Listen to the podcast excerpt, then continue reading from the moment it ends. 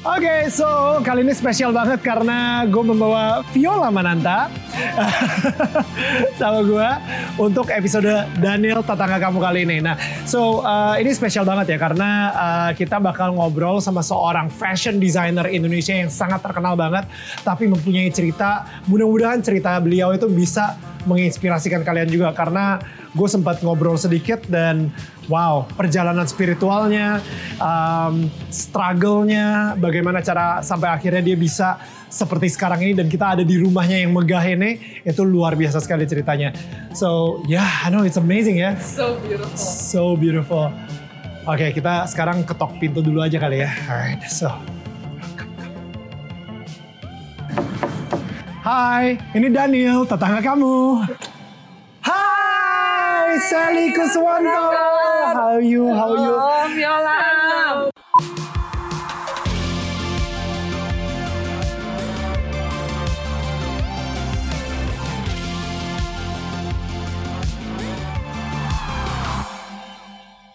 Pertama, thank you so much for lunch. I'm like, I feel, I feel, oke, okay, kayaknya uh, Viola untuk kali ini uh, Viola tetangga kamu aja ya. Jadi dia yang interview, I'll just uh, mungkin Udah ngantuk ya, nyantai. I make sure you put on one at least one or two kg. Asli deh, kayak keluar Pulang dari timbang langsung naik 2 kilo. Iya, iya, pasti. But anyway, Sal, um, gue actually pengen ngobrol sedikit soal kayak um, mungkin awal-awal lu jadi fashion designer kali. Ya. Um, itu, well, actually mungkin lebih mundur lagi deh. Lu dari Surabaya kan sebenarnya Iya, kan? Nah, Surabaya. so dari Surabaya ke Jakarta itu ceritanya gimana tuh? Uh, jadi uh, pas aku kan sempat sekolah ambil fashion design di Sydney. Mhm. Sedikit aja mundur lagi ya. Oke. Jadi setelah lulus SMA, aku ke Sydney, sempat ambil perhotelan, habis perhotelan karena nggak tahu mau sekolah apa gitu loh. Terus masih bingung karena aku suka antara interior sama fashion. Akhirnya ambil fashion. Setelah ambil fashion, balik ke Indonesia, ke Surabaya tentunya ya, kota asal aku. Ya. Di situ aku sadar bahwa kalau men- mau menjadi seorang fashion designer yang dikenal di Indonesia ya harus startingnya di Jakarta, Hmm. nggak bisa di Surabaya. Hmm. Nah kebetulan suamiku dapat kerjaan di Jakarta juga gitu. Right. Nah kita udah pacaran dari Sydney. Jadi pas kita baliknya juga di tahun yang sama Desember 94. Hmm. Nah he got a job in Jakarta in 1995. Terus aku masih stuck di Surabaya sampai tahun 98. Nah pas 98 kita merit. Setelah merit aku pindah ke Jakarta. Hmm. Ikut suamiku. Ya. Nah dari tahun dari tahun 98 merit, 99 punya anak Jason. Hmm.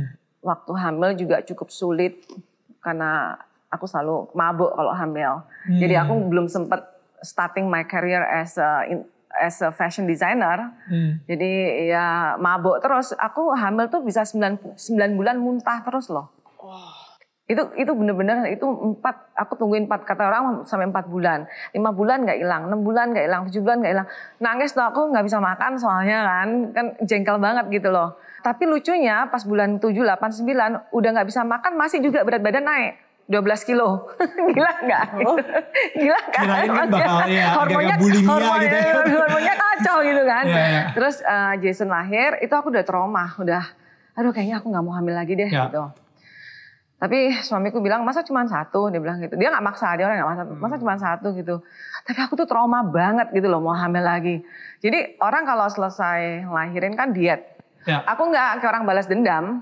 Ya dong nggak bisa makan 9 bulan gimana? Wah aku sehari makan bisa lima kali kayak Ya, gitu loh. ya. Jadi orang kalau selesai hamil kan cepat badannya bagus. Aku sampai hampir berapa tuh? eh, udah dia sudah 9 bulan aja aku nggak balik tuh badan. Oh. tetap gendut gitu kan. Makanya dulu I was so I was quite fat gitu. Oh wow, I could. And I didn't Not care gitu. imagine. Nggak, nggak, nggak peduli gitu. Terus akhirnya dua aku pikir ya udahlah kalau mau hamil hamil lagi deh nih. Aku bilang gitu. Ya. Udah kalau mau menderita menderita sekalian gitu. Hamil lagi dua bulan Oh, kan. Eh, hamil yang kedua kedua hamil Rachel muntah juga terus sama. Sembilan bulan juga. Sampai enam bulan tuh parah-parahnya, parah banget sampai enam bulan itu.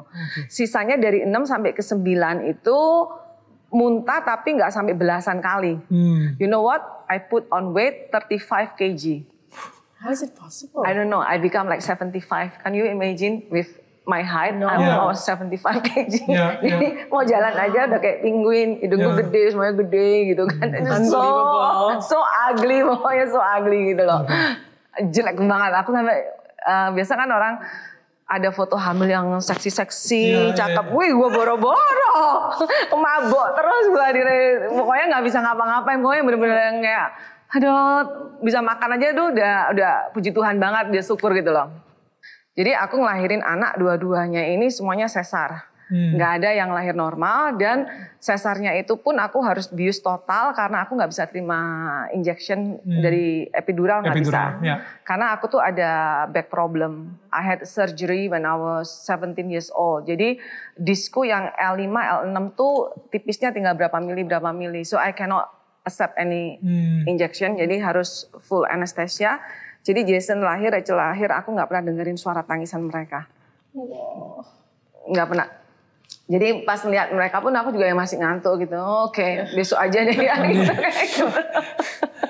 Gitu, ya. Ya. Ya, terus jadi eh, tahun 2000 sa- 2000 jadi setelah Rachel lahir 2001, 2002 aku bikin show tunggal itu kan. Hmm. Nah 2002 bikin show tunggal, kebetulan karena aku bikin something yang agak different other than Indonesian designer, Hmm. eh, mungkin jadi aku agak apa ya eh, mencuri banyak perhatian media gitu. Hmm. 2003, 2003 ya nama aku cukup booming gitu in the short time gitu. Ya. Ya. Wow. Dan ya That's the story. um, what yang yang ngebedain apa emangnya? Like what, what did you do different? mungkin eh, waktu itu kan kebanyakan eh, desainer Indonesia kan bajunya lebih feminim. Hmm. Gaun-gaunnya feminim chiffon, Hmm. something yang lebih uh, soft gitu kan, yang Hmm. uh, banyak embroidery yang gimana gitu ya. Ya. Sementara aku bikinnya yang lebih leather, Hmm. terus yang uh, gothic gitu mungkin. Ah, iya, iya, iya, lebih iya. kayak gitu. Ya ya. And then uh, the the cutting, the line, constructionnya semuanya beda gitu. Nggak flowing gitu loh maksudnya. Iya, iya. Te- Tegas. Jadi itu kayak karakter sendiri Iya. Sally Kuswanto masuk ke dunia fashion with a big bangnya Iya. seperti itu gitu ya. Ya. So jadi um, nggak tahu ya dengan dengan your pas 2002 itu show tunggal iya. pertama abis itu it, it 2003, 2000, 2000, 2002 2006, 2003 ya. ya. Dan itu kayaknya it's what? a lot of darkness gitu kayaknya ya di dalam kayak Iya. ya memang ada ada ada kelebihan dan kekurangannya kelebihannya aku mungkin uh, I make something different I give something different to the fashion uh, in- industry in Indonesia. Tapi uh, segi jeleknya ya to be honest secara penjualan aku nggak nggak bisa menjual gitu akhirnya produk-produknya. Ya mungkin hanya cukup untuk dikagumin saja gitu Ya. Daniel. Tapi eh, untuk beneran bisa terjual di pasar kan orang nggak semua orang secure untuk memakai gaun-gaun seperti itu gitu. Terus juga banyak gitu pertanyaan-pertanyaan dari orang sekitar juga.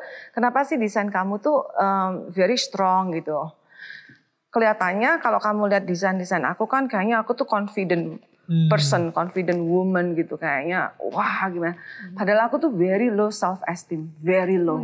Where did that come from? Nah teman-temanku tuh pada selalu bilang gini, lu tuh kayak yang teman dekat ya, yang tahu bener cerita hidupku, selalu bilang gini, kamu tuh sebenarnya eh, korban korban dari eh, apa broken home family gitu loh. Hmm. Aku selalu bilang enggak lah, memang ini watak gua aja yang begini gitu loh. Hmm. Kalau orang selalu bilang aku korban broken home family, aku tuh cinta banget sama papiku ya. Jadi aku nggak mau put blame on him gitu loh. Of course. Tapi the more I grow up, the more I realize gitu setelah aku punya anak, aku aku mendidik anakku gitu. Uh, aku bisa melihat perbedaan antara diriku sama Rachel gitu loh. How secure she is compared to me gitu loh. For example, simple example aja gitu ya. Um, Rachel love fashion of course. Who doesn't love fashion? Every woman gitu maksudnya. Tapi dia punya eh, apa ya? Dia punya what is it called? Harga diri, dia punya apa sih Hmm, namanya? self-value. Self, self value nggak dari barang yang dia pakai gitu.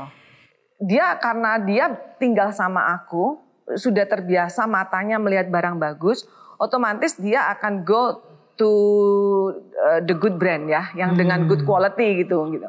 Tapi dia tuh bukan tipe anak yang maksudnya gini loh, uh, oh lagi tren ini gue harus punya. Kalau gua nggak, kalau teman gue punya, gue nggak punya, ntar gue malu. Dia nggak nggak nggak ditent, self value dia tidak ditentukan Sangat di sana, secure. Ya. Oh, that's amazing. gitu. loh. Jadi I can see the difference in her spirit and my spirit. Hmm. Why? Why? Aku sampai jealous juga ada jealousnya gitu loh maksudnya. Jealous in a good way. I'm Yeah. also learning from my daughter gitu loh maksudnya. Ya. Pernah sekali dia misalnya minta sepatu, kita nggak langsung beliin. Kita beliin pada waktu momennya udah gone. You know her face, she still give you like a smiling, happy, cheerful face. As a parent, melting your heart or not? Pasti. Pasti lah. melting your heart, right? Iya, gitu loh. iya. Kalau gue aja udah ngambek tuh, gue udah pasti nggak mau ah, udah lewat gitu kan, udah jengkel banget kan gitu loh. Terus di situ aku mulai melihat perbedaan-perbedaan gitu. Oh ya, in some way I'm quite I'm quite spoiled tuh gitu Iya, ya, iya, gitu. iya. Nah anyway, balik lagi waktu kecil, mamiku tuh eh, percaya hal-hal yang superstitious. Hmm. Jadi em, mungkin ada yang pernah bilang, mungkin ada yang pernah bilang sama dia bahwa aku tuh anak yang pembawa sial dalam keluarga gitu loh. Jadi when my parent married itu they were so young. Papiku 20, mamiku 17. Kebetulan mamiku tuh bukan bukan Chinese ya. Mamiku tuh peranakan ada Maduranya gitu loh. She was very very pretty, very beautiful. Ya. My dad tuh pure pure Chinese Cina totok gitu loh. Jadi pas kawin ya otomatis mereka nggak nggak disetujuin lah ya. Orang tua dari papiku nggak suka. Orang tua dari papiku ini lumayan kaya gitu loh. Hmm. Nah mamiku orang nggak punya, orang miskin sekali lah gitu. Akhirnya papiku keluar, merit milih menikah dengan mami. Hmm. Jadi mereka struggle, bener-bener miskin sekali. Jadi waktu kecil itu kita tinggal di rumah yang sangat kecil Daniel. Hmm. Jadi kalau dibilang aku nggak tahu rasanya miskin, tahu. Aku pernah tinggal di rumah yang sangat kecil sekali, bahkan kloset aja nggak punya. Hmm. Wow. Not even closet. Jadi kalau ini ya buang air harus yang Ya. mau ngambil mau mandi aku harus nimbah Oh air sendiri. Dari sumur gitu misalnya. Ya, makanya I, you see I'm quite mobile doing everything, Ya. gitu loh. Nah, jadi aku tinggal di sana sampai SD gitu kan. Tapi karena faktor ekonomi yang sangat-sangat rendah ya, itu kan membuat banyak pertengkaran di dalam rumah tangga. Nah, akhirnya aku tuh jadi sasaran mamiku gitu loh. Hmm. Setiap kali mamiku berantem sama papiku, dia selalu panggil aku tuh anak pembawa sial, Hmm. anak bu hoki Hmm. gitu loh. Itu setiap hari yang aku dengar anak bu hoki, anak bu hoki, anak bu hoki gitu. And she was quite, dia orangnya juga gampang mukul gitu loh. Nah terus adik kedua aku lahir cewek, papiku ekonominya membaik. Membaiknya itu sangat drastis. Ke- kebetulan saat yang bersamaan eh, kakekku meninggal dari papi. Jadi papiku Dapat boleh ya. nggak dapat warisan tapi boleh pakai fasilitas rumah yang besar dari kakekku itu Wow. untuk buat bikin bengkel. Hmm. Karena papiku tuh orangnya tekun ulet gitu. Dia bikin bengkel, bengkel bubut ya. Itu banyak yang bubut untuk perusahaan-perusahaan minyak. Jadi dia cepat gitu, ningkatnya cepat sekali. Kebetulan dengan adikku yang kedua lahir. Jadi mamiku selalu bilang, wah anak kedua ini anak pembawa Hoki. hoki nih Ya. yang kedua gitu. So she keep comparing me with my with my sister gitu anak pembawa hoki gitu terus. Tapi akhirnya papi mamiku cerai pada waktu aku umur 12 tahun. Jadi eh, pada waktu mamiku ngelahirin adikku yang paling kecil. Jadi aku, adikku yang cewek kedua, terus adikku cowok, adikku cowok yang keempat, Herman, setelah lahir satu bulan mami papiku cerai. Aku masih 12 tahun. And I used to look after my my youngest brother Ya. uh, yang satu bulan. Mam- Ditinggalin yang satu bulan. mamiku lagi upset karena mamiku lagi upset jadi mamiku tuh sering kayak ngambek kabur ke Jakarta ntar kabur ke mana gitu ke Jakarta sih mostly ke Jakarta karena papiku udah ada perempuan lain gitu loh. Oke. Jadi makanya papiku dari istri kedua juga punya anak anak yang usianya mirip-mirip dengan adikku Herman gitu Hmm. loh. Hmm. So you were the care- caretaker of your Ya. baby brother. Ya. Ya, Nah, terus pada waktu aku tumbuh dewasa di sekitar usiaku yang dari kecil, dari kecil sampai sampai yang belasan tahun itu, aku selalu melihat pertengkaran baik dari keluarga mamiku maupun dari keluarga papiku. Keluarga papiku tuh suka datang minta bagian Mereka merasa papiku pakai lahannya Oh, gosh. engkongku gitu Iya, ya. Jadi iya. mereka minta bagian. Nanti dari pihak mamiku juga. Jadi aku tuh dari kecil udah sering lihat mereka tuh yang berantem tonjok-tonjokan, ntar ada yang bawa celoret, beneran bawa celoret. Saudara sendiri kan ini kan? Saudara sendiri. Dan aku tuh yang suka kecepet di ujung gitu loh, sampai gemeter gitu. Ya ampun, oke, wow, oke. Ya, ya. That's- Maksudnya, um, to be honest ya, kayak, Traumatized sih. Aku nggak sadar. Itu aku nggak sadar bahwa itu tuh semua bikin aku tuh traumatized. Aku nggak sadar. pertama gini, eh, lu dari kecil pun juga udah dibilang kalau misalnya secara identitas, lu pembawa sial. Ya, Ya kan? Itu itu udah satu. Ya. Kedua, dipukulin terus gitu Pukulin kan. terus. Dan Digebukin ketiga, terus, ya. digebukin terus. Dan ketiga, eh, abis itu udah di- apa ada ada konfirmasinya juga begitu anak kedua lahir. Eh, hoki nih kayak. Iya. gitu. Jangan-jangan bener gue pembawa Iya. sial gitu Iya. kan. So, um, dan abis itu ketika mami cerai juga, Hmm. eh, apa mereka berantem secara violent itu dan lu masih umur 12 gitu you know like Iya, iya. I just cannot imagine um, ya secara psikologi sih itu benar-benar bakal ngerusak banget ya Nah. pasti ada sesuatu gitu yang Gue nggak sadar itu. karena lu mikir oh ya ini normal mungkin ini semua orang Iya. ngelewatin gitu Iya, gue nggak, gue bener-bener nggak sadar gitu. Tapi untungnya gue nggak melakukan hal yang sama yang mereka lakukan gitu loh, ngerti kan maksudnya? Jadi gue sama orang jadi kayak minder gitu. ya Terus em, aku kalau nonton film yang film yang violence gitu ya, aku tuh bisa nggak tidur sampai besok besoknya. kebayang terus Kebayang terus. Jadi kayak pernah satu kali suamiku tuh ngajak nonton film apa tuh ya, filmnya Leonardo DiCaprio sama temanku cewek. Mungkin temen cewekku ini nggak ngerti, dia mungkin bete banget sama aku. Di tengah-tengah film tuh aku keluar. hmm. Dia mungkin aku bisa ngeliat wajah dia bete banget sama aku. Dia kira aku mungkin eh, sok-sokan spoil. Dia nggak tahu aku muntah-muntah di kamar mandi gitu loh. Gosh. Aku tuh nggak tahu kenapa kalau aku lihat sesuatu yang violence tuh Langsung. bikin aku mual, muntah gitu loh. berarti masih ada sesuatu di dalam hatinya Sally yang masih belum terproses kali Mungkin ya. ya kan berarti maksudnya secara nggak sadar unconsciously lo yang kayak oh my god you know dan pengen muntah aja you know and, Iya. and yet it's your childhood gitu Iya, kayak kayak aduh kenapa sih orang kok harus kok harus segitu violence-nya jadi orang gitu loh. Kenapa sih Iya. kita nggak bisa hidup tuh baik-baik gitu loh. Kalau aku tuh selalu mikirnya gitu. Ya. Nah, waktu aku di Sydney, setelah lulus kuliah itu, aku nggak pengen balik ke Indonesia. Aku tuh takut untuk balik ke Indonesia. Cita-citaku aku kepingin menetap di Sydney, pingin dapet PR. Karena aku mikir kalau aku balik ke Indonesia, aku akan comeback dengan kehidupan yang seperti ini lagi gitu. ya Tapi ceritanya beda. Jadi pas aku mau lagi ngerjain skripsi yang sekolah fashion, aku dapat phone call from my auntie. Dia bilang gini, lu tuh nggak pulang-pulang ya, lu enak-enakan di sana ya, lu tuh nggak papi lu kanker. Gue bilang, kok enak-enakan orang lagi ngerjain skripsi, lagi mau harus kumpulin bikin project gitu kan. Apa sekolah fashion design harus bikin project like Capek kostum ya. 8 Iya. kostum atau berapa gitu. Yeah. Terus eh, aku tutup telepon, aku telepon papiku, aku tanya papi kanker ya. Dia eh, suaranya ya agak gimana gitu, dia bilang it's okay, dia bilang gitu. Aku bilang, kok papi nggak ngomong? Enggak lah, kamu konsentrasi aja sekolah. Aku bilang, gimana pi? Aku aku ini lagi ujian, Skripsi, ya gitu loh. Papi mau aku pulang atau enggak? Dia bilang itu. Kamu terusin. Kamu tau nggak ya? Tutup telepon itu, aku ke kamar mandi. Aku ke kamar mandi, aku tutup pintu kamar mandi, aku nangis, aku tendangin pintu kamar mandi kan. Kan waktu itu aku udah pacaran sama suamiku gitu. Dia ada di apartemen, dia bingung. Kenapa aku ke kamar mandi nangis, aku tendangin pintu kamar mandi. Dia tanya, why, why, why, what happened? Aku bilang, ya aku bingung, papiku sakit kanker, nggak pulang, aku salah, aku pulang nggak ada- nggak bawa ijazah, bener nggak? I will miss the whole thing gitu loh. Iya. Lu percaya nggak? Gue bilang gini sama Tuhan. Eh, karena sebelumnya aku udah beberapa kali mimpi kalau papi bakal mati. Lucu loh, di, di Sydney itu aku udah beberapa kali mimpi bahwa papiku tuh akan meninggal. And it was so real Daniel, aku nggak bohong nih.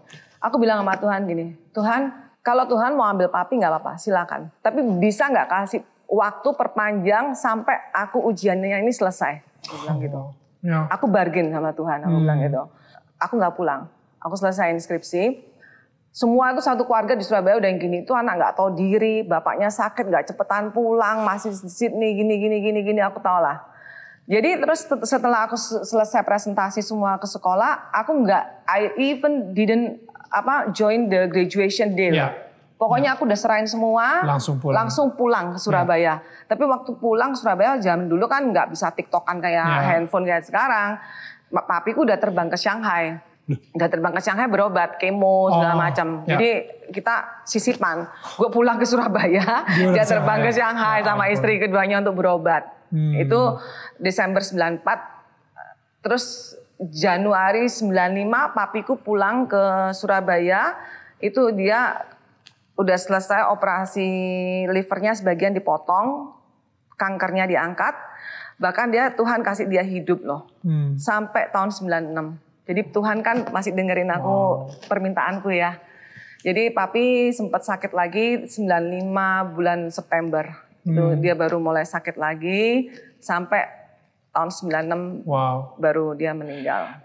Gue gue tertarik sih kayak kayak lu tadi begitu refleks pertama Hmm. ketika lu marah-marah di dalam kamar mandi, lu langsung minta minta negosiasinya sama Tuhan Ya. gitu ya.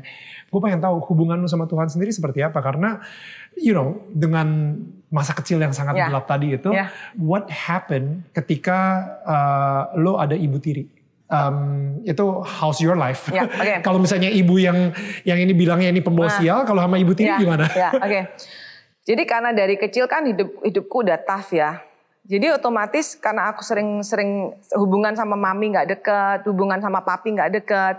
Jadi secara nggak secara nggak langsung itu aku cari Tuhan malahan. Hmm. Aku cari Tuhan. Aku tuh bisa belain naik sepeda atau naik becak gitu ke gereja, ke sulung atau ke mana gitu. Aku cari Tuhan. Wow. Dan aku tuh setiap hari kalau habis dipukulin atau apa ya paling aku ke kamar nangisnya cari Tuhan Oh wow. gitu loh. Oke. Jadi eh, aku tuh dari dulu punya prinsip kalau cari pacar pun kalau nggak Kristen aku nggak bakal mau. Hmm. Jujur. Hmm. Mau sekaya apa pun itu orang, mau sehebat apa pun kalau dia bukan anak Tuhan aku nggak mau gitu loh. Wow. Jadi kayak Tuhan Wow. itu buat aku tuh satu-satunya tempat di mana aku tuh ya aku bisanya mengadu ke siapa sih kalau nggak Ya. cuman ke Tuhan gitu. Nggak ada bokap nyokap itu nggak bisa Ya, diharapin nggak juga. bisa diharapin. Papiku most of the time sibuk di kantor Hmm. gitu loh, di kerjaan. Papiku sih baik sama aku sayang gitu ya. Tapi kan kesian juga gitu. Aku nggak mungkin bisa sedikit-sedikit telepon ngadu ke Ya. dia gitu loh. Sama mami tiri, otomatis aku jadi lebih kayak ya jadi lebih gimana ya. Biasanya kan anak kan susah menerima mami tiri apalagi itu hasil penyelewengan loh. Cerita kasarannya begitu Ya, loh, ya, ya. kan? Tapi aku sendiri itu untuk untuk jujur dalam hati ya, Hmm. menerima dia sampai bisa cinta gitu, enggak. Oh, ya. I'm gonna put on my jacket. Oke. Yeah. Dingin ya. yeah, it's getting a bit colder. Oke. So um, sama ibu tiri berarti lebih ini dong, lebih lebih harmonis nggak? Atau um, sama lagian juga treatment dia ke Sally sendiri gimana? Iya dia otomatis lah ya, berusaha ambil hati ambil hatinya aku Sure. juga gitu. Papiku kan introduce me to her gitu kan. Jadi eh, akunya juga sempat yang senang juga main ke rumah dia karena kan ada adik-adik, adik-adik itu kan dari dari papiku juga gitu Iya, loh. iya, iya.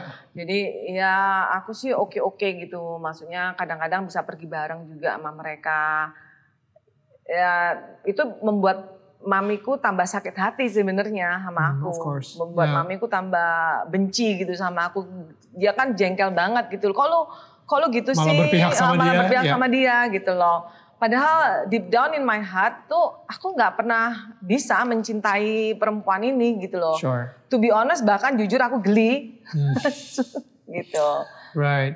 Dan pada saat saat um, lo balik dari kuliah dan lain-lain gitu ya, kayaknya lo juga tadi bilang kalau misalnya masih ada uh, kemarahan, you know, yang yang tertuang melalui si uh, 2002 gitu, um, terrefleksi dalam karya-karya dalam aku, ya. karya-karya Sally gitu ya. So what else happened? Gue ngerasa kayak, you know, you went through so much more pain gitu. Ya. Ya. Jadi aku pikir aku tuh eh, udah tahun 2004 aku pernah bikin buku judulnya Heal, Hmm. sembuh gitu. Aku pikir aku udah sembuh gitu, Hmm. Neil. Jadi pas papi sakit kanker, papi tuh sempat pesen gini sama aku. Nanti kalau papi meninggal, kamu jangan berantem-berantem ya, dia bilang gitu.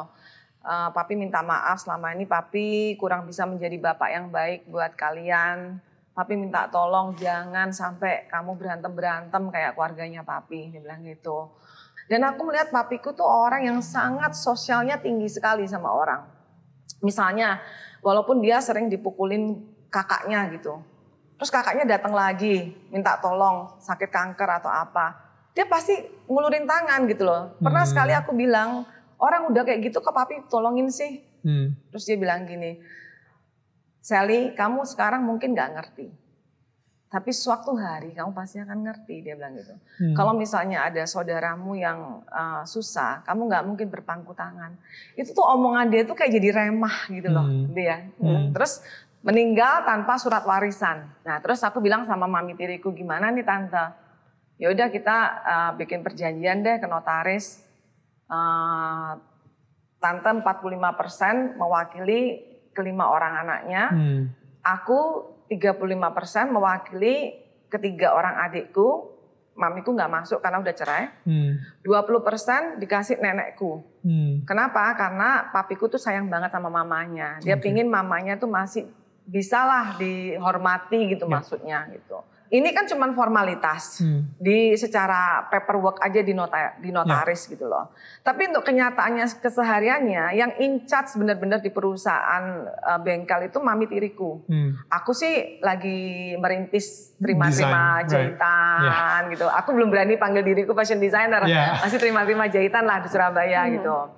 Nah, sementara tiap bulannya tuh aku cuma ditransferin dia duit secukupnya lah untuk belanja. Hmm. Singkat cerita, mamiku sama adikku yang kedua dia nggak nggak suka dengan tindakan yang aku ambil. Dia merasa aku kurang ajar. Maksudnya eh, kok aku mengambil keputusan ini kok sepihak tanpa persetujuan mamiku gitu loh, Niel. Hmm. Akhirnya mamiku marah. Karena mamiku marah, akhirnya aku menjadi pihak yang tertuntut oleh ibu kandungku sendiri. What? Yes. Disomasi? Ya, so a- a- aku ke, ke kantor kejaksaan setiap hari itu jantungku kayak mau copot, tau nggak ya? Gue tuh kalau malam tuh sampai anxiety, kalau malam tuh tidur bangun bisa. Ya. Jadi kalau orang bilang, sel lu tau nggak sakit covid tuh sesak nafas? Oh, I've been, I've been, I've been through worse. I've been through worse. I've been through worse. You don't know I've been through worse. Kalau lu covid berapa berapa lama, gue berapa tahun itu udah sesak nafas gitu Oh loh. my God. Ya kan? I've been sued by my own mom. Ya. Oke, aku bingung dong, bingung terus aku nggak punya duit loh, Niel. Ya. Baru lulus gitu loh, Ah, mau minta tolong siapa? Su- suamiku juga baru kerja, gajinya cuma 1,8 juta waktu itu. Gimana bisa biayain aku untuk keluar masuk pengadilan? Hmm. Terus kata temenku ada satu orang pengusaha Surabaya, dia itu bisnis properti lah gitu Hmm. dan he has a lot of a connection gitu dengan ini pejabat-pejabat lah Hmm. gitu. Dan dia uh, orangnya very tough man gitu. Hmm. Hmm. Ya udah, aku telepon dia, dia bilang gini, kamu tuh apa sih, apa sih? Dia nggak ngerti gitu loh. Terus akhirnya aku disuruh ke kantornya dia. Do you think he's like a friendly, nice man? No, he's so scary. Dia tuh yang galaknya minta ampun gitu loh. Hmm. Terus eh, dia tuh jengkel banget dia bilang apa-apaan ini anak apa anak sama orang tua sendiri berantem ini lucu dia bilang begitu kan. Terus akhirnya mamiku dipanggil, mak- mamiku dipanggil, kita diakorin. Hmm. Diakorin terus dia bilang lu tuh harusnya bersatu sama mami lu, bukan Hmm. sama mami tiri lu Ya. gitu loh. Terus eh, mami tiriku kan dengar bahwa aku di backing sama si bapak si engkau lah, engkau ini Hmm. Chinese ya, Chinese bapak kaya inilah. Dan karena dia kaya, dia punya in-house eh, pengacara yang selalu eh, mendampingin aku di setiap perkara. Jadi kesannya itu siapa Sally ya punya Yeah. punya pengacara hebat gitu loh, Hmm. maksudnya pengacara top gitu Yeah. kayak yang padahal aku nggak nggak keluar uang sama sekali gitu loh. wow. Ya, ya. Nah terus Dijagain banget sama Tuhan. jagain banget Ya. sama Tuhan. Gila, itu berlangsung berapa lama ya? Cukup lama sih. Itu dari tahun 96 papi meninggal, tahun 98 aku menikah kan. Hmm. 98 aku menikah. Itu kan terus perseteruan tuh terus kan yang tuntut-tuntutan itu. Terus tahun 99 lak- aku lagi hamil Jason, aku dapat surat dari kepolisian bahwa aku mencuri mobil BMW, which is my own car. You know, my own car gitu loh, my own car yang I, I've been use, wearing, using it since I was high school gitu loh. teman-temanku aja tahu itu itu mobilku gitu loh. Tapi karena BBKB, kamu tahu kan BBKB, BBKB, itu ya. Kan di, di kan- di di bengkel itu diambil sama mami tiriku. Hmm. Jadi dijadiin bahan bukti di kantor kepolisian bahwa aku mencuri mobil. Oke. Gila kan ya, aku mencuri mobil. Jadi aku tuh pulang ke Surabaya lagi hamil, hamil muntah-muntah begitu. Jadi aku berapa kali itu di BAP di, di Surabaya gitu kan. Sampai akhirnya tiap kali telepon di rumah berdering itu jantungku kayak mau copot. Kayak aku tuh ketakutan sekali gitu loh. Of course, of course. Jadi aku eh, aku udah base di Jakarta kan waktu itu. Jadi aku dua kali, aku hamil 4 bulan ke Surabaya, hamil 7 bulan ke Surabaya eh, karena dimintain BA BAP itu. Terus setelah Jason lahir 3 bulan, aku harus ke Surabaya lagi. Katanya aku mau dimintain eh, BAP lagi. Ternyata aku sudah menjadi tersangka, sudah menjadi tersangka ya. What does that mean? They can. Eh, statusnya is already narapidana. Narapidana. Do you have to Karena go to jail? Uh, yeah, she, yeah. Terus em, si bapak pengusaha ini, aku akhirnya minta tolong dia. Oh enggak, I bill out myself. I bill out myself sebagai tahanan luar dulu. Nah, aku bayar sebagai tahanan luar, aku pulang. Waduh, itu aku nangisnya. What? Itu itu aku aku sampai Wow. itu bener-bener itu mm, itu my spirit crush Ya, Ah, itu tuh broken heart-nya itu gila-gilaan gitu ya. Eh, aku bilang gini Tuhan, why you doing this to me? ya. Why you keep doing this to me since I was since the day I was born? Aku nanya gitu kan ya. What's wrong with you? Gitu loh. I hate you God. Aku bilang gitu.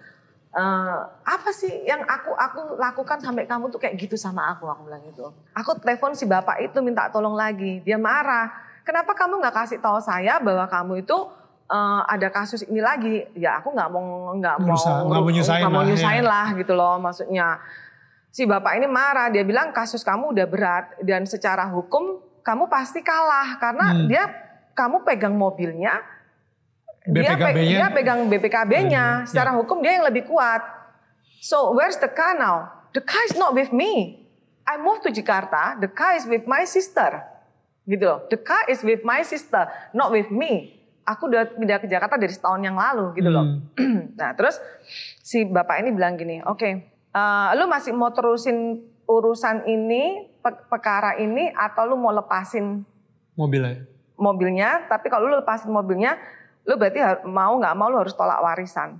Tolak warisan berarti lu menolak semuanya. Jadi kalau sampai adik lu menang, lu tidak akan menerima satu peser pun. Berat juga ya awal-awalnya ya, gitu Nah ya. di saat itu kan pemikirannya udah pasti pengen warisan lah. Ya kalau secara manusia gue pasti pingin juga karena gue tahu. adil juga, Iya adil karena gue itu hak gue satu. Dan awal-awalnya gue tahu papi gue tuh orang yang dari nggak punya sampai terakhir waktu gue SMA, papi gue itu duitnya lumayan banyak. Hmm. Dan gue waktu kuliah papi gue tuh udah main minyak Oh wow. gitu loh. Oke. Terus gue mikir satu, gue tuh cinta banget sama papi gue. Terus gue mikir I have more than enough in my life gitu loh. Hmm. Eh, akhirnya gue mandi gue bilang gini sama Tuhan Tuhan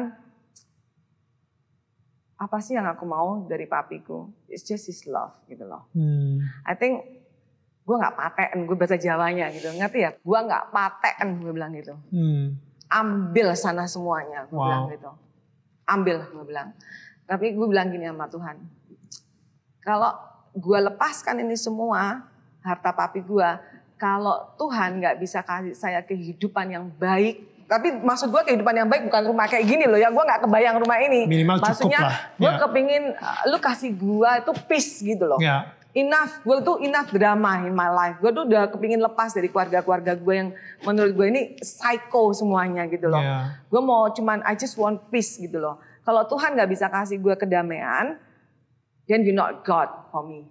Wow. Gue bilang gitu. Gue lepasin semuanya. Eh, setelah lewatnya waktu lama gitu perseteruan perseteruan dengan mami tiri gue ini kan yang terberat dalam hidup gue kan salah satu yang terberat itu kan Hmm. eh, tuntut-tuntutan warisan di mana gue harus lepasin ini semua dan gue pindah ke Jakarta cuman bawa dua koper, dua mesin jahit. Gue ingat dua koper, dua mesin jahit, dua mesin obras, satu mesin press aja. Udah, that's it. Itu yang gue bawa ke Jakarta. Terus gue tinggal di apartemen eh, Rasuna yang luasnya cuma 55 square meter. dari rumah gua yang di Surabaya 600 meter, gue pindah ke apartemen yang 55 square meter. Terus uh, setelah uh, Jason lahir, kita pindah ke apartemen Taman Anggrek yang luasnya 80 square meter. Hmm. Rachel lahir, kita pindah ke apartemen Taman Anggrek juga yang tiga kamar yang luasnya 150 meter. Hmm. Terus setelah Jason Rachel sekitar eh, tujuh tahun, 8 tahun, 10 tahun, kita pindah ke Cilandak yang Hmm. 650 meter. Wow. And then empat tahun yang Here lalu we kita are. here we are. Wow. sini. Wow. Ya.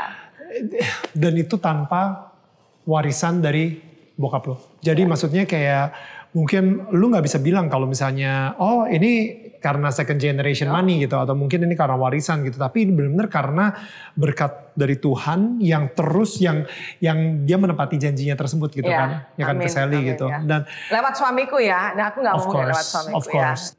Gue lebih penasaran kayak gini. Gue yakin banget nih, mungkin yang lagi nonton saat ini juga mungkin punya broken home gitu. Mungkin ada yang lebih parah malahan Iya, gitu kan. Dan um, ada juga yang saat ini lagi dalam proses lagi berantem berantemnya lah sama orang tuanya atau apa pun Iya, itu gitu. iya. Nah, gue penasaran, lu bagaimana sampai akhirnya uh, lu nulis buku heal, tapi lu ngerasa ternyata gue belum heal banget. Iya. Apa sih ada sekarang ini menurut lu lu udah heal belum? Ataukah sebenarnya lu masih belum bisa memaafkan mereka? Gini, eh, kalau memaafkan mami gua, mami gua kandung, gua sudah, Kapan? udah lama. Dan makanya tadi eh, Setelah nanti somasi atau sebelum somasi? setelah somasi dong. Oke. Jadi itu prosesnya lama. Gue pikir tadinya setelah gue ngampunin mami gue, mami tiri gue, gitu gue pikir ah gue udah completely heal. Gue pikir gitu, Sure. ya. Udah, gue, gue. Kita mikirnya it's a, it's a goal, begitu udah kelar, yeay Iya, oke. iya, gue pikir gitu. Tapi gue nggak sadar ternyata masih ada luka batin yang lain gitu loh. Yang gue tuh ternyata jauh lebih berat, lebih lebih dalam itu kayak kanker menurut gue di situ itu. Dan gue nggak sadar gitu loh. Itu yang membuat gue my apa low self esteem yang nggak yang nggak bisa gue ilangin selama ini. Tapi setelah gue bisa ngila, setelah gue bisa menemukan jawabannya dan cure-nya ya, cure-nya ini istilahnya cure-nya nih ya, itu terjadinya kok ya pas tanggal 2 bulan 2 tahun 2020. Jadi pas gue serahin tugas ke guru gue teologi, itu tanggal 2 bulan 2 2020. Gue kaget loh, gitu. That, that was Yeah. just a few months Yeah. ago. Ya. Just few months ago gitu loh. Singkat cerita tahun lalu itu aku sempat masuk teologi. Hmm. Masuk teologi. Kenapa gitu. Nah pada waktu mau masuk teologi school ini juga lucu. Karena di dalam rumah tangga kan aku sering berantem terus sama suami ya. Aku juga bingung gitu. What is wrong with me gitu ya kan. Terus gue tanya sama si em, apa namanya temen gue gitu. Sama si Pak pengacara yang dulu pernah bantu aku. Tuh Oh, kan dia orang yang dewasa gitu. Ya. Aku bilang, Pak, eh, apa kabar? Udah lama kan udah 15 tahun nggak ngobrol. I- kita kan temen, cukup teman baik gitu. Aku tuh selalu menjaga hubungan sama orang-orang teman lama. Menurut kamu, aku nih kok berantem terus sama suamiku ini? Kayaknya aku tuh merasa kurang kurang punya pendidikan deh. Aku merasa gitu. Mungkin kayaknya wawasanku kurang ini. Menurut kamu aku sekolah apa ya? Aku kepingin sekolah lagi. Aku tuh sampai begitu loh. Wow. Serius deh. Aku tuh, I, I- see, I, I put effort in my life kan gitu loh. "Ah, aku sekolah apa ya? Aku nih kayaknya goblok, aku bilang gitu. Terus si pengacara aku bilang gini, kamu tuh nggak goblok, udahlah. Kamu tuh, gini deh Sally, kamu sekolah teologi deh. Hah? Kenapa? Aku bilang gitu. Nanti di situnya kamu akan belajar bagaimana kamu tuh sudah benar. Kamu tuh pintar kan gitu. Cuman kadang cara kamu berbicara aja gitu. Terus habis gitu temenku juga bilang, lu sekolah teologi. Malam itu yang ngomong dua orang loh. Oh, jadi udah Gue pikir like konfirmasi banget. gitu kan. Yes, definitely. Wah gue excited. Tau kan anyway gue I always love God. I always love God gitu loh. Tapi pengen lebih diperdalam lagi Nah. melalui belajar te- teologi. Jadi eh, pada waktu gue masuk sekolah teologi, oh gue kaget. Gue pikir sekolahnya bakal setahun. Nggak taunya ada 33, sa- 33 mata pelajaran ya. Buset. Buset, gue pikir ini berapa tahun? 4 tahun. 3-4 tahun. Terus gue mau jadi apa ya? Terus temen-temen gue juga pada gini, lu mau jadi pastor nih. Gue bercanda aja, ya udahlah, gue bakal bikin eh, apa eh, fashion church kan belum ada Wah, fashion ada, church. ya. bercanda, wow, bercanda. that's an awesome church. Oke. Shannon. nah terus pas bagian teologi ada eh, beberapa tugas. ineransi dengan satu lagi uh, Alkitab adalah firman Allah yang berotoritas. Terus yang Alkitab adalah firman Allah yang berotoritas, itu aku stuck. Hmm. Itu benar-benar aku stuck, aku nggak bisa bikin tugas itu. Hmm. Kalau gue disuruh nulis, gue nggak mau asal cuma nulis, gue bisa aja nulis bagus, gue dapet nilai bagus. Ya. Tapi it's not that It's gitu not loh. authentically cerita lu gitu. Iya. Ya. Kalau fashion atau kerjaan lain, I will do it. Sure. Ini berhubungan sama Tuhan. Gue nggak mau main-main kalau yang berhubungan sama Tuhan. Hmm. Gue tuh hampir mau ngomongin sama gurunya, gue nggak akan nulis nih, gue nggak mau nulis ini. Hmm. Gue gue fail fail nggak apa-apa, gue udah mau nulis gitu gitu. Hmm. Cuman gue masih nggak rela karena gue tuh orangnya pantang fail dalam hidup gitu loh. Akhirnya gue duduk di uh, meja rias setiap malam, gue nanya Tuhan gitu, Tuhan otoritasmu di mana? Aku Hmm. mulai marah sama dia. Kalau kamu bilang firman Allah, firman Allah itu punya otoritas. Pada waktu aku mengalami semua kesulitan itu, dan pada waktu aku memperkatakan firmanmu, kenapa nggak ada mujizat? Di mana mujizatmu? Aku bilang gitu. Ya. Jadi gini, aku tuh ada satu cerita yang aku nggak pernah ceritain ke orang karena aku merasa itu disgusting dan memalukan dan membuat aku tuh jijik banget. Dan itu yang membuat aku tuh marahnya luar biasa. Jadi pada waktu aku SMP, aku baru usia 13 lah, 13, 14 SMP gitu. Gue punya kepala sekolah, suka panggil gue ke kantor. Pertamanya itu kayak sayang gitu loh. Ah, dia kayak kasih gue perhatian gitu. Suka kasih gue bimbingan. He make me feel comfortable at his office gitu loh. Terus lama-lama dia pangku aku gitu. Gue udah mulai agak sedikit risih gitu kan. Gitu, pangku. Ya gue, tapi kan karena gue begitu merindukan kasih sayang dari orang tua, gue takut untuk menolak. Ngerti ya Nil ya? Gue takut untuk menolak. Karena kalau gue nolak, gue marah, nanti gue gak disayangin lagi. Sementara gue butuh banget kasih sayang gitu loh. Nah, itu terus berlangsung, terus berlangsung, terus gitu. Sampai dia bikin gue comfortable. Dan lama-lama, lama-lama dia mulai ngeraba-ngeraba. Ngeraba-ngeraba ke kaki, ngeraba-ngeraba ke payudara gitu loh. Jadi gue tuh udah mulai jijik gitu loh. Pingin nangis, pingin marah tapi takut nggak berani. Itu tuh berlangsung tidak sekali dua kali, berkali-kali terus sampai akhirnya gue tuh takut banget masuk sekolah. Sampai gue tuh bisa satu semester tuh bolos satu bulan, dua bulan. Jadi gue tuh udah pakai seragam berangkat sekolah gitu ya. Pokoknya kelihatan sekolah gitu, nggak ngecewain mami papi gue gitu. Mami papi gue udah nggak ada atau apa, papi gue udah berangkat kantor. Gue balik lagi ke rumah, gue sembunyi di dalam kamar. Oh my goodness. Can you imagine? Hmm. Nah, gue selalu berdoa, gue bilang, gue pingin orang ini kalau bisa sakit tapi nggak bisa mati dan membusuk di ranjang. Gue bilang sama Tuhan begitu. Karena gue sendiri prinsipnya, gue sendiri orangnya, sampai hari ini pun gue tiap malam kalau doa sama Tuhan pun, gue tuh akan bilang begini, Tuhan kalau hari ini aku berbuat salah apa pun yang tidak berkenan di hatimu, kamu jangan segan-segan menghukum aku. Mm-mm. Tapi gue nggak mau hukuman itu jatuh ke anak gue atau ke suami gue. No. Kalau aku misalnya hari ini hatiku udah nyeleweng atau aku udah ngelakuin apa pun atau pikiranku udah jahat sama orang apa, Tuhan sebel, Tuhan marah, Tuhan mau apain aku nggak apa-apa. You want to punish me? Oke, I take it. Aku bilang gitu. Ya. Jadi itu namanya justice buat gue, Ya. gitu loh. Nah, that's I also want to do that to this man Ya. gitu loh.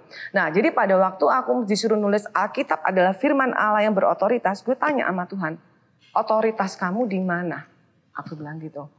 Ya kan? Kamu bilang kamu mau meng- menguduskan aku. Kudusnya di mana ini? Gitu loh. Aku jijik banget nih Tuhan. Lu ngerasa lu sendiri udah gak kudus lagi. Iya, iya dong, jijik dong gue. Lu, lu tau gak maksudnya beda gitu kalau kita melakukan sesuatu yang memang kita mau ya ini kan lu kayak diobok-obok kayak dile- dilecehkan gitu Iya. kan dan I was so young I was only 13 years old Dan lu gak bisa ngomong ke bokap nyokap juga. nggak mungkin Ma, lu tau kan mami gue aja panggil gue anak bohoki Hmm. gue mau digamparin lagi Hmm. terus gue mau kasih tau papi gue I love my dad too much I don't want dia tuh udah yang papi gue tuh kerja setengah mati kerja keras gue nggak mau apa maksudnya dia itu Nyusahin lagi. dia gitu loh. Nah, terus pada waktu gue ngomong gitu tuh gue nangis di kamar ma- di kamar eh, ganti tuh gue nangis berhari-hari nangis. Tuhan nggak langsung jawab loh Nil. Hmm. Lo pikir Tuhan jawab? No, God didn't answer me.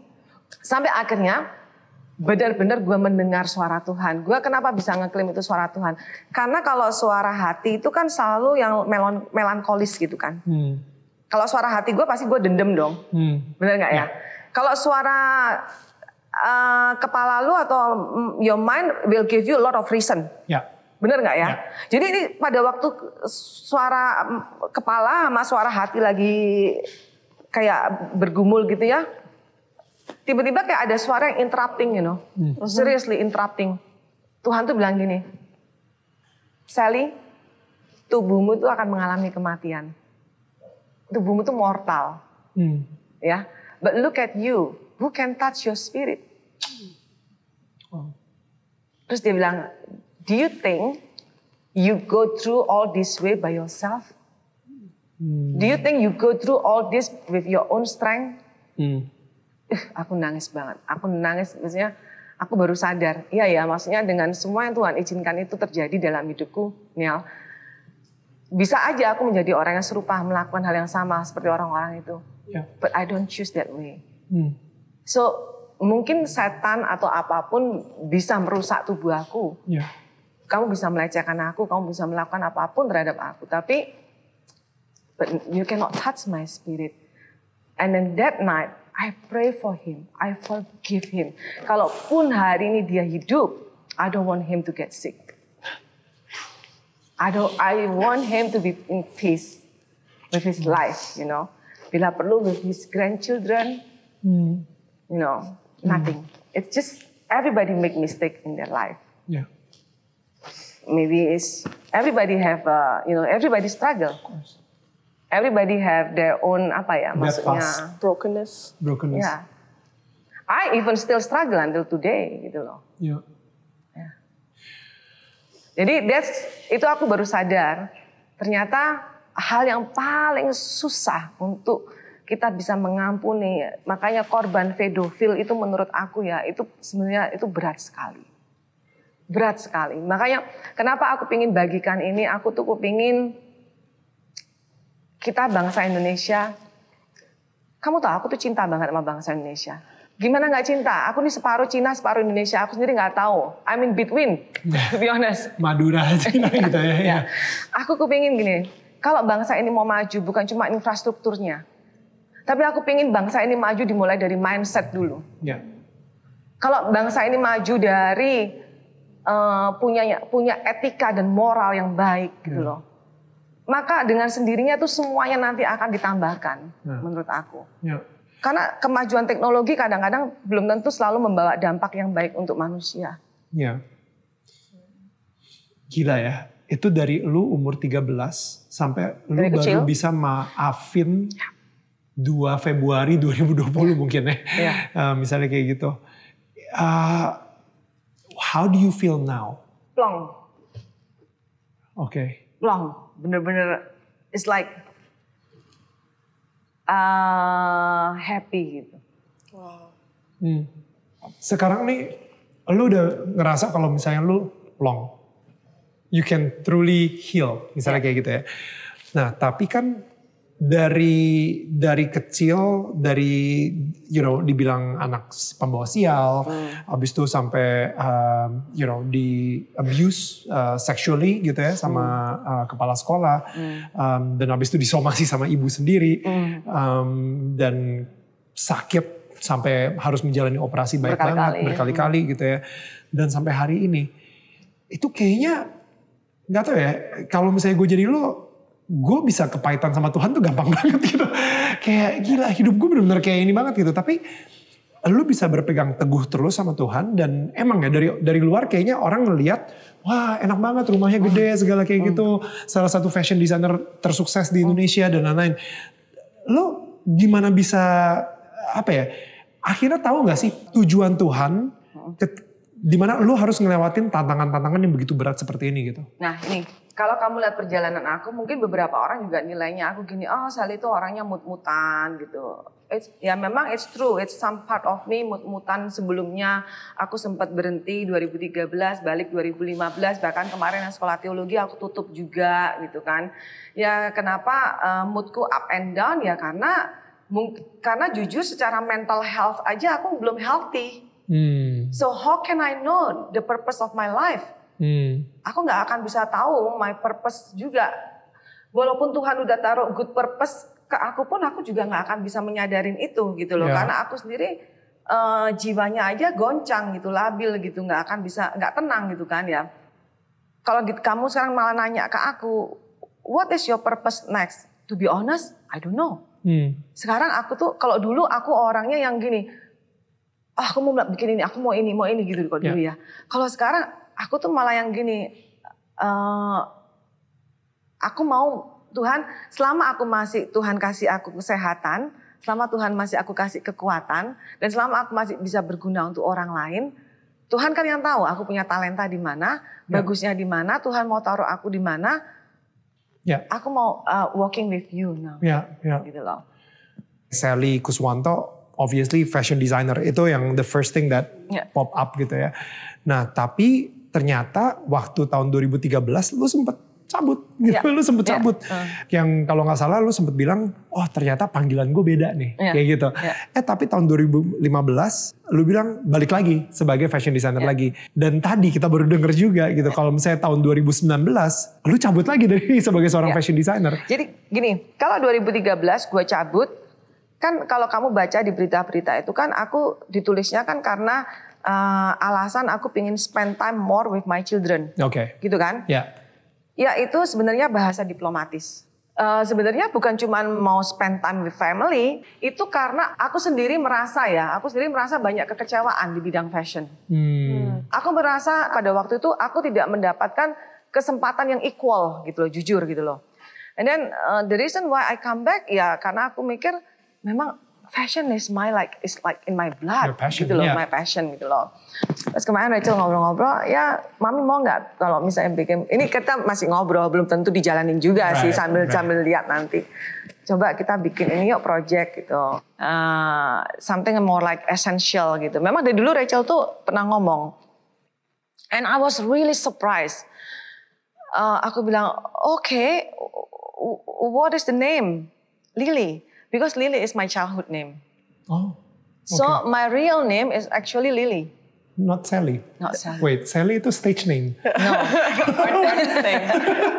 It's not stage name. Jadi gini, dari kecil kan aku dipanggil Lily.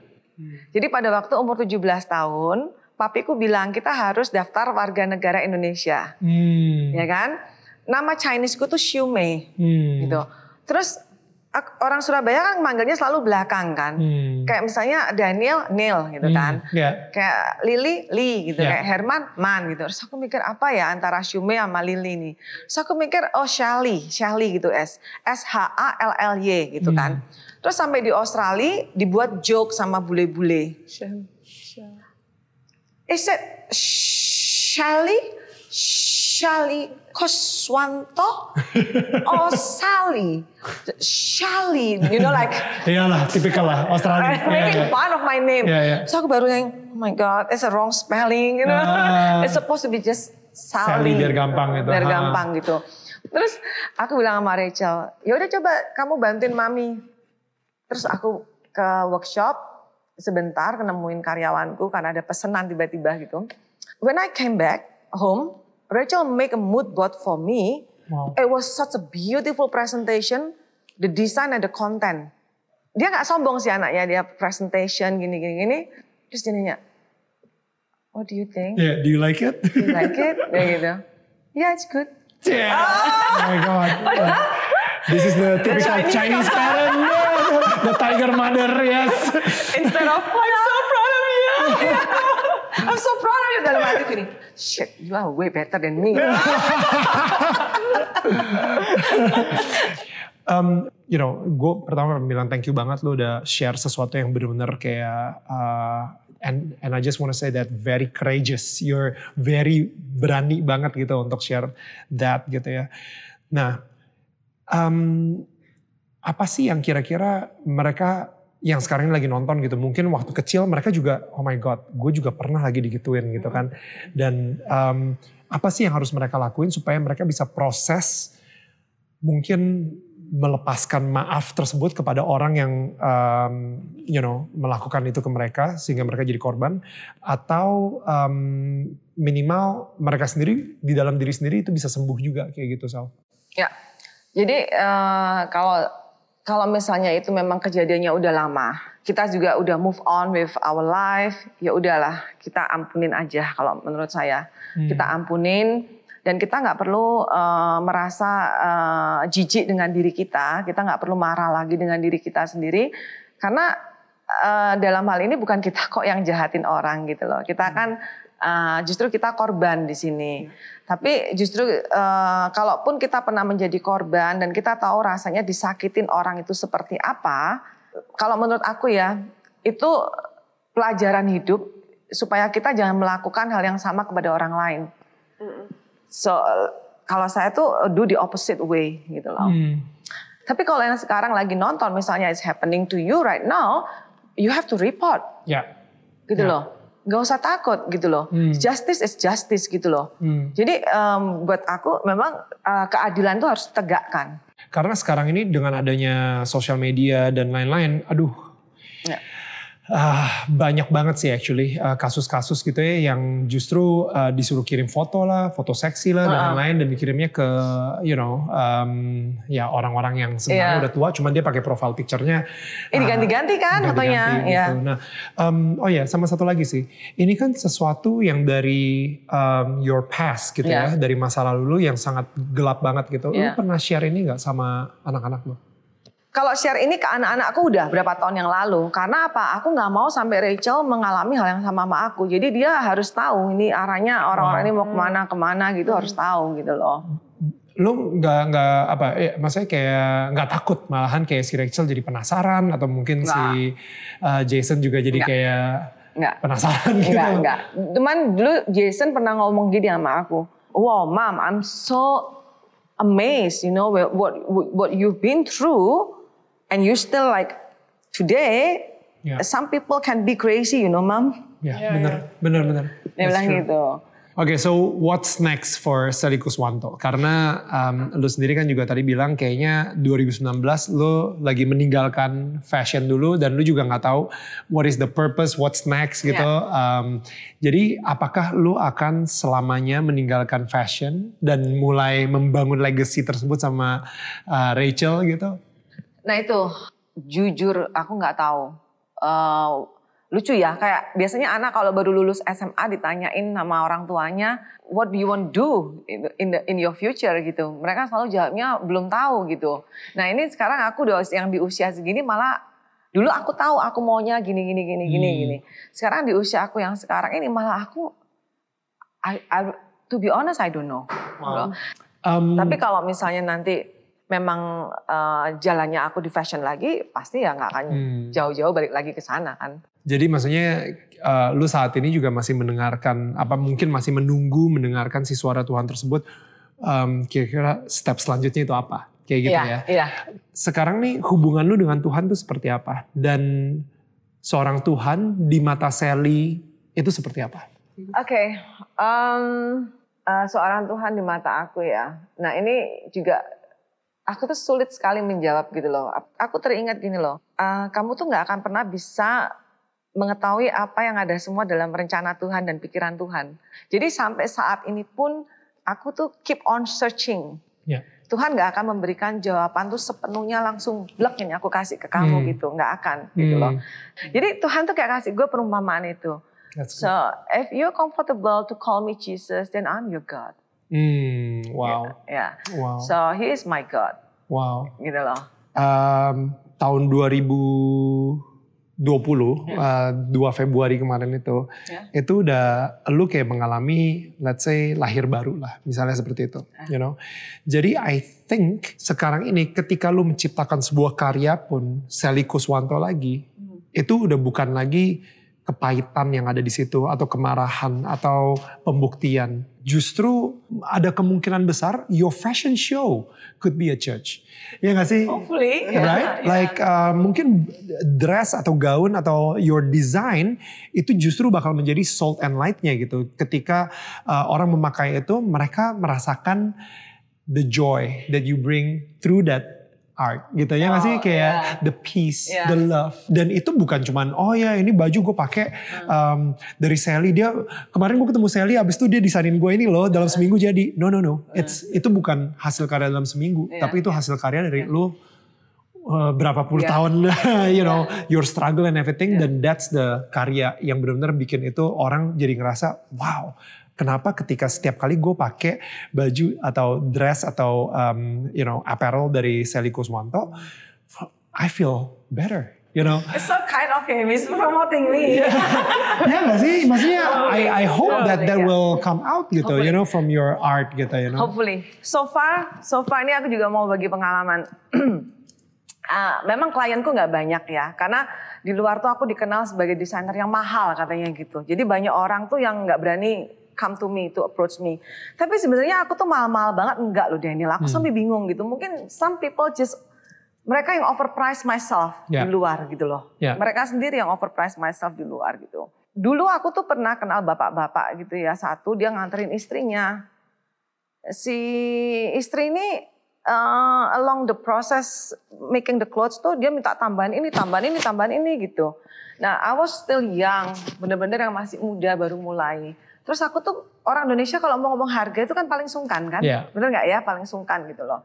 Jadi pada waktu dia minta tambah ini, tambah ini, tambah ini, aku tuh nggak berani ngomong, Pak nanti bakal ada tambahan loh harga atau apa tuh nggak berani ngomong aku Hmm. gitu loh. Nah singkat cerita setelah baginya selesai, baru aku sodorin no billnya gitu loh bahwa ini jadinya harganya jadi segini gitu, Yeah. jadi banyak gitu. He was so angry with me. Hmm. He was so angry with me. He said, you such a rip off, you know. Hmm. Waduh, itu aku pulang langsung nangis nggak karu-karuan ya. Aku sampai yang bener-bener dikatain lagi rip off, harta Hmm. papi gue aja gue tolak, lu katain gue rip off.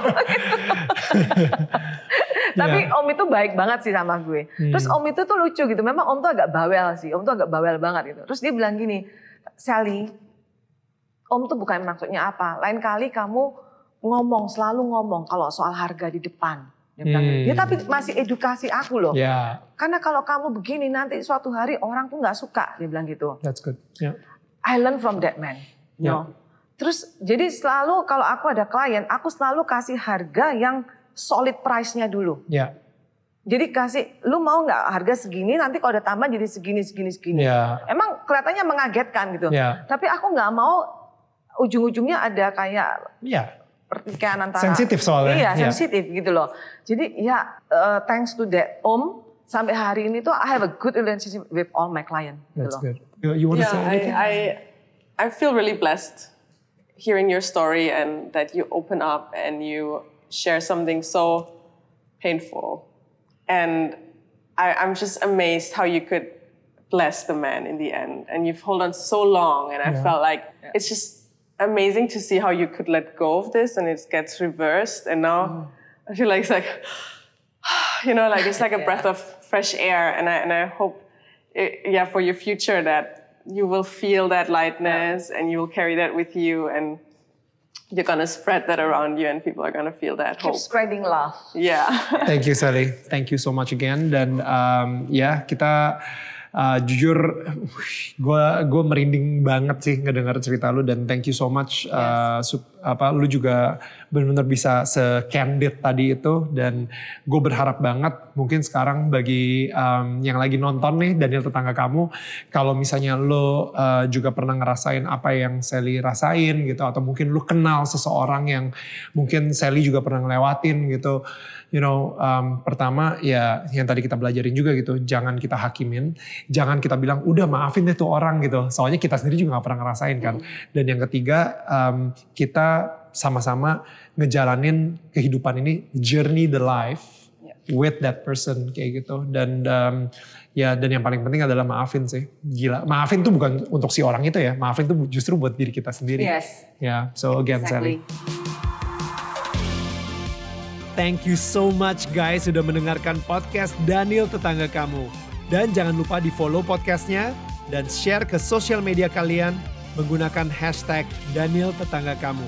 Sebisa mungkin gue akan repost keseruan kalian ketika lagi mendengarkan podcast ini.